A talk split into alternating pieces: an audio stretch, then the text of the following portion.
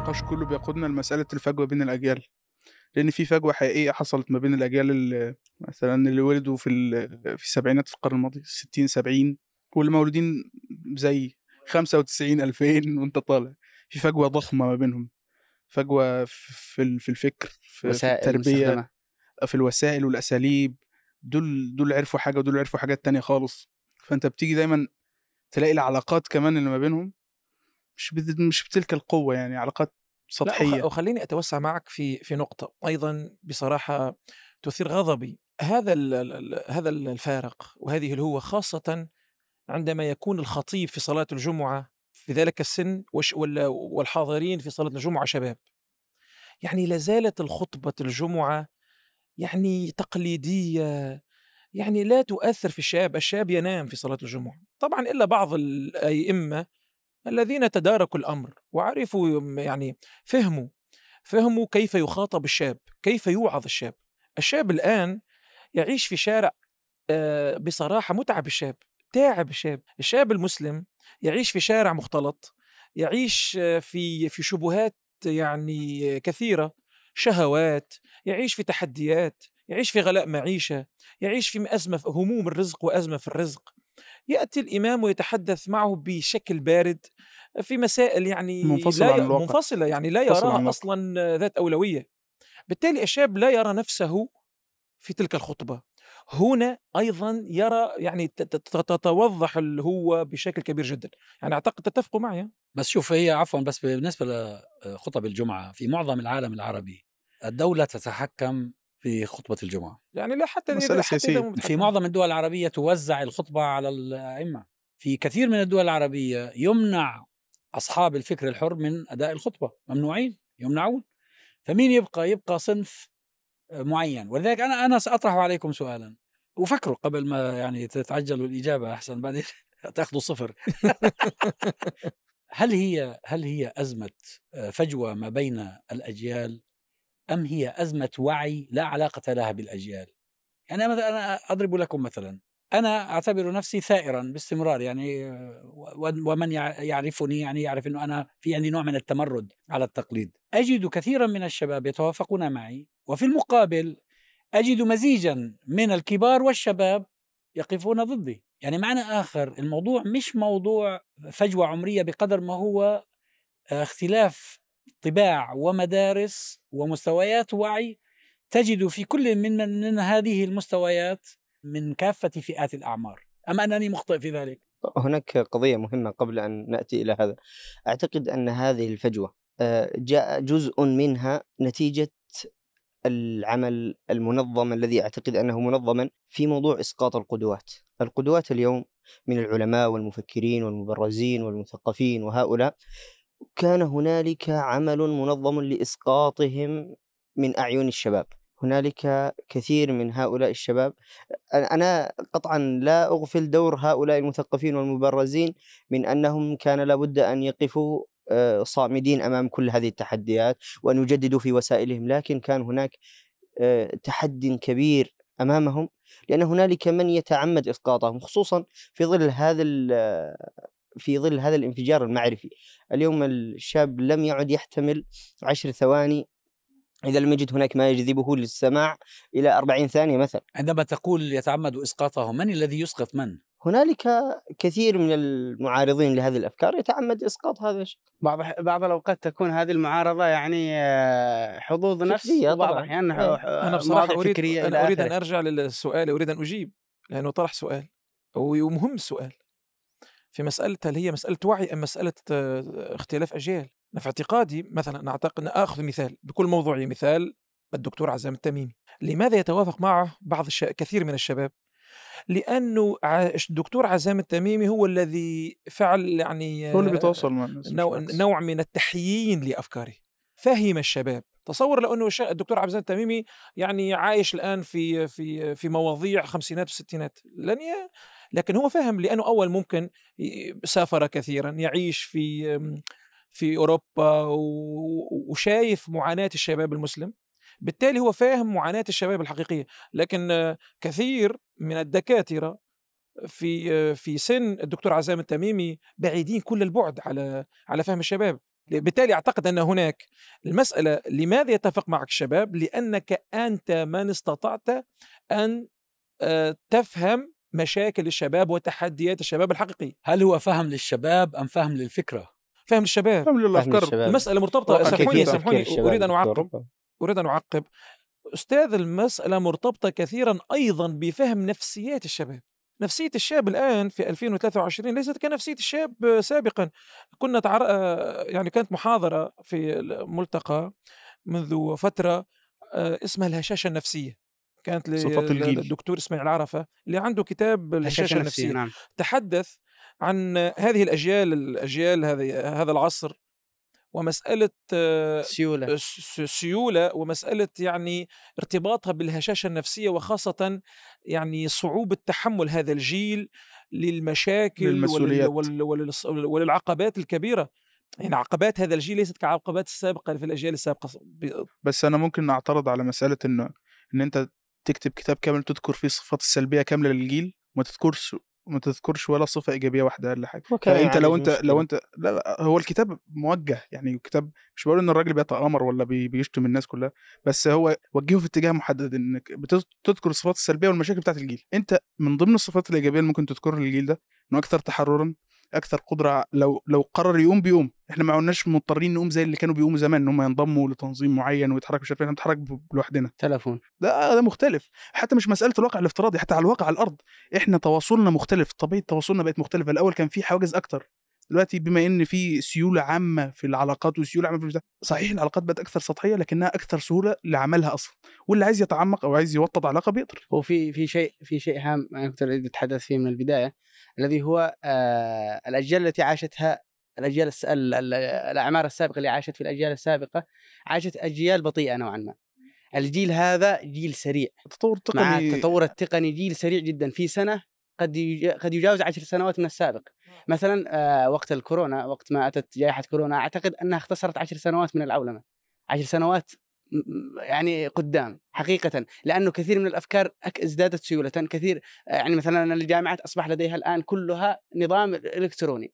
أصبح هناك سيولة أنه قد يمكن في أي لحظة أقفل الجامعة حضوريا ولا يس... لا يأتي أحد. أيوه هذا مرتبط بالتكنولوجيا. وهو طبعا في جانب إيجابي وفي جانب سلبي لكن في جانب الأفكار غالبا ما يغلب الجانب السلبي. وفي هناك عدم إدراك من قبل الأجيال السابقة بهذه بهذه التسارع. يجب أن يدرك الأجيال تدرك الأجيال السابقة أن هناك تسارع كبير في في الأفكار وفي السيولة في سيولتها إلى آخره فيجب عليه مواكبتها. وأزيد و- على وأزيد عليه أزيد عليه. آه، ذاك الجيل ليس فقط غير مواكب للتسارع. هو أصلا غير غير مدرك. قادر لا غير قادر على الإجابة على أسئلة جديدة مستجدة. أيوه دي. أعطيك مثال. مش مسألة الإدراك. أيام بعد ال- بعد الزلزال الذي حدث في تركيا وفي وفي سوريا. نحن في تونس آه، جت موجة من الأسئلة ليست فقط في تونس هي حتى الشيخ آه، أحمد السيد طرح هذا في في فيديو. عذاب من الله. سؤال من شباب خاصة اللي هم يعني في ال- في الثانوية وفي الجامعة نوعا ما. يعني الشباب اللي هو نوعا ما يعيش لا حتى الأصغر أعيش يعيش أسئلة قلق إيماني ماذا يقول؟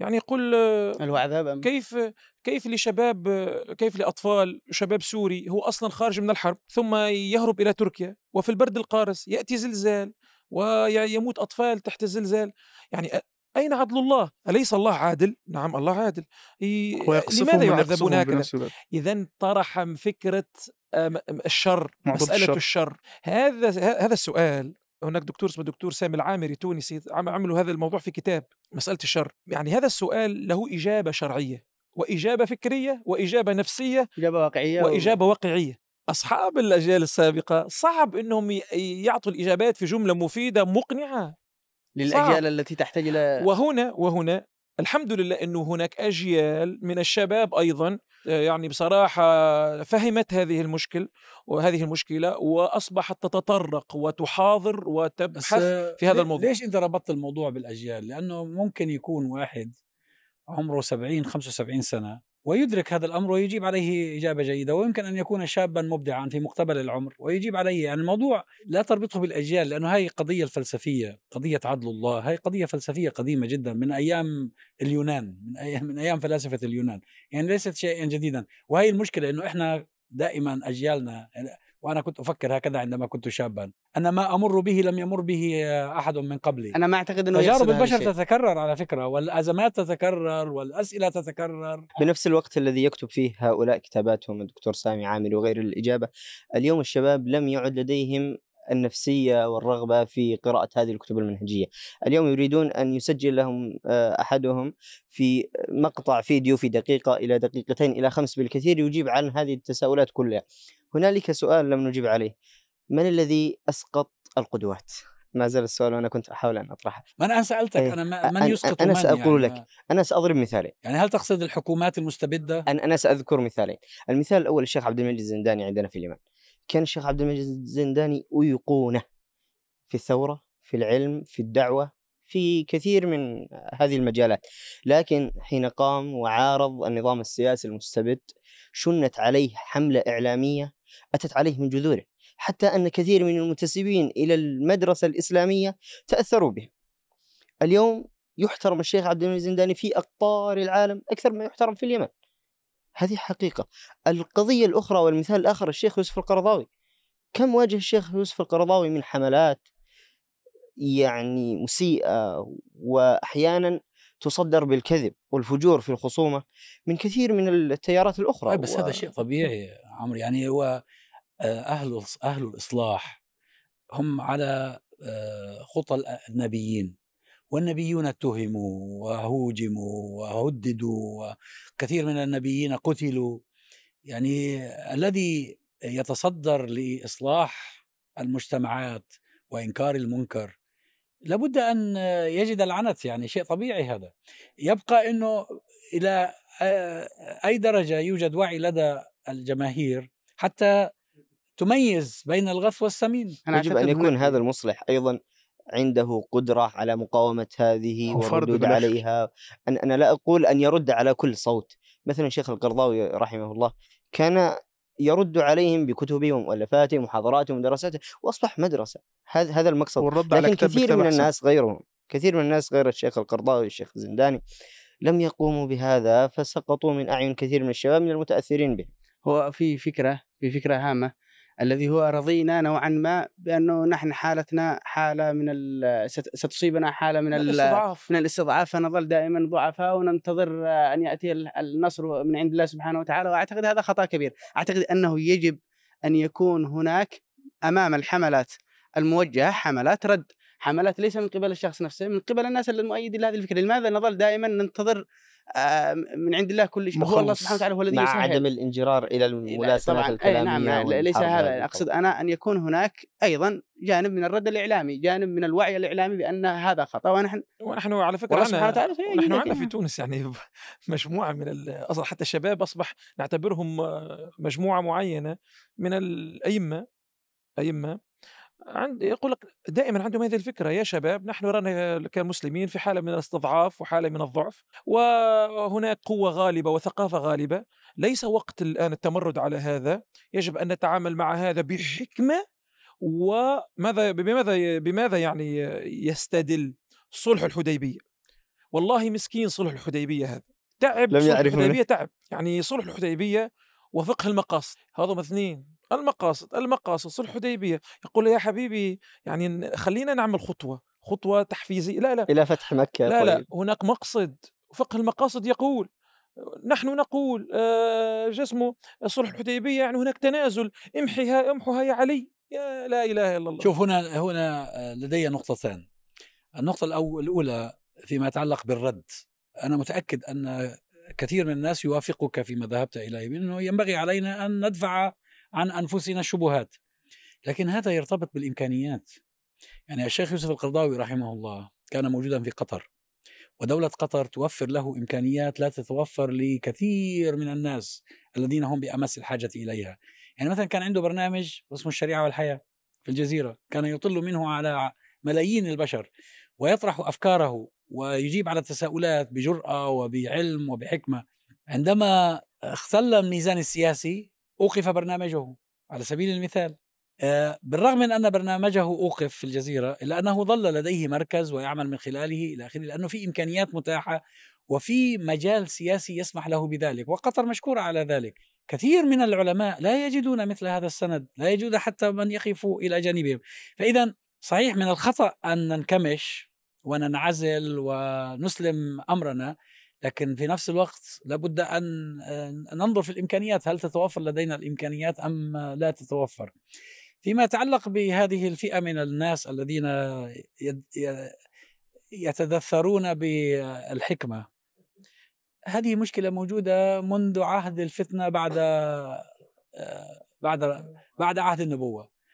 يعني العلماء اختلفوا في حتى في بداية التاريخ الإسلامي إلى قسمين. قسم يرى أن ما حصل في عهد معاوية كان انحرافا ولا بد أن نقف في وجهه لأن الخلافة الراشدة تحيل الأمر إلى أهله وأهل الأمر هم الأمة. قسم آخر قال إن هذا يكلفنا دماء كثيرة وصيانة دم وأعراض وأموال الناس مقدم آه، على إصلاح الخلل الذي حدث. وهذه جدلية مستمرة. لكن للأسف هناك من يتمادى من يغالي ويبرر للجائر للظالم الجائر ظلمه وجوره. هنالك قضية مهمة دكتور يعني قد تتداخل مع هذا إلى حد كبير. الشباب خصوصا في منهم في عمري يعني ممن شهدوا بداية شبابهم مع ثورات الربيع العربي حيث الانتشاء والفرح بأننا سنتخلص من هذا الطغيان والاستبداد وأن عهد الحرية قادم وأن النصر قد أتى كل هذه القضايا أعقبها هذا الانحدار الشديد في مستوى الحريات والحقوق والمواطنة وغيرها مما نراه اليوم هذا أثر على نفسية كثير من الشباب بالانهزام النفسي بالضعف بالاستسلام بالإحباط حتى أننا نرى كثير من هؤلاء الشباب الذين خرجوا في هذه الثورات قد أصبحوا عدميين. قد ذهبوا إما إلى الإلحاد أو إلى الجماعة التكفيرية الجهادية. أنت عندك مسألة برضو أه لو ممكن هنالك أقطعك. حتى آه، أكمل الفكرة. هنالك برنامج بث على قناة الجزيرة فيلم وثائقي تقريبا في 2017 أو 2016 في الأخير يعني عن أين ذهب شباب مصر بعد الثورة؟ كثير منهم وقفوا موقفهم وظلوا صابرين صامدين لكن نسبة ليست بالقليلة ذهبوا إلى الإلحاد ونسبة كبيرة ذهبوا إلى الجماعات الجهادية حتى أن التقرير ذكر في آخر بهم نسبة طيب. صادمة 11% من الشباب المصري الذين خرج في الثورات وهي نسبة صادمة بالنسبة لي قال أنه لم يعد يؤمن بوجود الله سبحانه وتعالى لأنه كان ينتظر الفرج والعون والسدد من الله الحق الحكم وهؤلاء غابت عندهم آه، فتنة آه، غابت عندهم نظرية الابتلاء وغيرها. ولم يجدوا من وفي الأخير ولا- خلق ولم- الإنسان من عجل. كمل عمرو. ولم يجدوا من يعطيهم الجواب الكافي. قطعا. هذه وهذا هو السبب الرئيسي هو مسألة برضه. عدم إدراك من عدم تجربة. أنت ما عندكش تجربة أنت أول مرة تثور أنت وعيت لقيت ثورة تمام؟ من قبل كده طالما أنت ما عندكش تجربة آه، أنت محتاج تفهم ث- لو اتهزمت في معركة ده مش معناه إن أنت اتهزمت في الحرب كلها. أنت دلوقتي بينك وبين ال- اللي أنت بت بت بتعاركه على السلطة أو شوف أنت عايز تعمل إيه سجال. فهي رايحة راجعة رايحة راجعة رايحة راجعة حتى لو هتاخد الرايحة راجعة دي جيل في النص. لو أنت مش جيل ال- لو انت مش جيل كسب ال- أو قطف الثمرات فانت ممكن تكون جيل التمكين لجيل كسب الثمرات أو قطف ال- الحاجات اللي في الآخر. انت مش لازم تسعى دائما لإنك أنت ترى بعينك النتيجة ومش عارف كل الإنسان يعيش قد إيه؟ 60 70 80 سنة بالكتير. عمرك لا يكفي لانجاز كل الحاجات الجهنمية اللي أنت بتفكر فيها.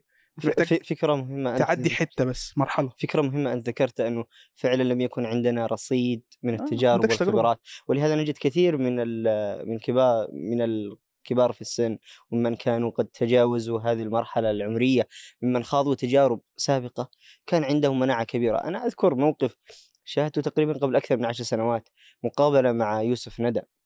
لما سئل سأله تقريبا في شاهد على العصر أحمد منصور سأله عن كيف كان وضعه النفسي حين أخذت أخذت كل أمواله. قال الصراحة لم يكن ذلك الإنبهار والشعور الحزين لأنه قال عندي تجربة قال تجربة قال والفضل يعود لعبد الناصر إذا أخذ أموالي مرتين يعني. فكان عنده نوع من الحمية. مناعة. عنده مناعة. بالضبط عنده مناعة كبيرة جدا في هذا الموضوع. لكن شوف قد تستغربون يعني حالة الإحباط اللي أصابت عدد كبير من الشباب بعد انكسار الثورة ال- العربية أو الانتفاضة العربية الكبرى أنا أسميها لم يكن مقتصرا على الشباب. يعني أنا رأيت نماذج لبعض آه، الكبار. حقيقة تحسهم بالإحباط. مننا. يعني لدرجة أن أن أحد الأشخاص أعرفه معرفة مباشرة وله موقع قيادي صار ينظر بأن الثورة كلها كانت مؤامرة دخلنا في فقه في مشكلة ليه؟ لأنه هو مشكلة. لم يتم لا, يس... لا لم يتمكن من استيعاب أن ما حصل يمكن أن يحصل، أنت تخوض آه، تجربة أو تخوض حرب ضروس آه، ضد منظومة آه، شرسة مدعومة اقليميا وعالميا آه، فتخفق أو لا تتمكن أو ميزان القوة ليس لصالحك. تصاب بحالة من الإحباط. فالإحباط هنا حالة الإحباط وحتى القنوط لم تكن مقتصرة على جيل وإن كانت طبعا بين الشباب أكثر لأنه الشباب يتطلع إلى قطف الثمار. آه، أنا أذكر وأنا أصلي في ساحة تغيير في صنعاء. كانت في جمعة من الجمع كانت كان الخطيب يلهب مشاعر الناس على أنه فقط إذا رحل علي عبد الله صالح سيأتي قال الكهرباء والحرية والماء والأموال و- و- وأذكر بعض الصور فعلا كان أحدهم يأتي بال- بالخبز الموجود في المخابز ويأتي بعده بخبز كبير جدا يقول هذا آه، قبل الثورة وهذا سيكون بعد الثورة. بشكل عجيب جدا. آه، حينها صلى الإمام وأعتقد أنه من توفيق الله سبحانه وتعالى أن قرأ خلق الإنسان من عجل. سأريكم آياتي فلا تستعجلون. أنا ما زلت أذكر الشعور الذي شعرته قبل تقريبا 13 سنة أو 12 سنة إلى اليوم. هزتني هذه الآية صراحة. فكرت إنه فعلا نحن نستعجل قطف الثمرات. ربما يكون تكون هذه فقط بداية الصراع. ربما تكون هناك معارك وهذا كان الذي هناك- كان صراحة. كان هناك حماس آه، لم يقيد بالواقعية. بواقعية. لم يقيد هناك حماس لم يقيد بواقعية ودراسة استراتيجية لما بعد هذه الثورات فلذلك حصل هذا. الانفصام الكبير ما بين واقع الثورة التي كان آه، الحماس فيها في مستوى عالي وما بعد الثورة عندما أتت هناك ال- يعني الثورات المضادة إلى آخره حصل هناك انهزام حصل هناك عند كثير من مع الشباب غياب ال- آه، مع غياب ال ال ال الوعي ال- الوعي لل- بالتاريخ فعلا نعم. الثورة الفرنسية ظلت سنوات عشرات السنوات حتى بدأت تؤتي ثمارها بل كانت تلك الثورات كانت أقسى على الفرنسيين من قبل الثورة. فما إن أتت هذا يعني بعد هذه السنوات أخرى، حتى يعني انفصل. أعتقد إنه من بركات هذا الحراك اللي صار هي مسألة التصفية والتنقية وتعريه ال- وتعريه الأجواء. أصبح ال- أصبح الصادق معروف والمنافق معروف. تكشف. وأصبح ذاك الذي يتكلم ويحكي عن ال عن عن. الحق والباطل ويجب أن ندافع عن الحق والحق والحق. إحنا شفنا الحق بعدين صح ولا لا؟ من غير ذكر أسماء. وشفنا ذاك الذي يقول نحن نقول بأن الذي كذا. شفنا بعدين لما صارت لما يعني? شفنا في شفنا تلك الوجوه. تمحيص. أنا أتذكر جيدا شيخ مصري كان هناك ملعب كبير ملعب آه، يح- 15000 في ملعب يعني يتسع 15 يتسع 15000 مو- مش كرة قدم يعني كرة يد وهيك. كانت مليئة القاعة م- قاعة مغطاة مليئة جدا. والناس تبكي وكذا.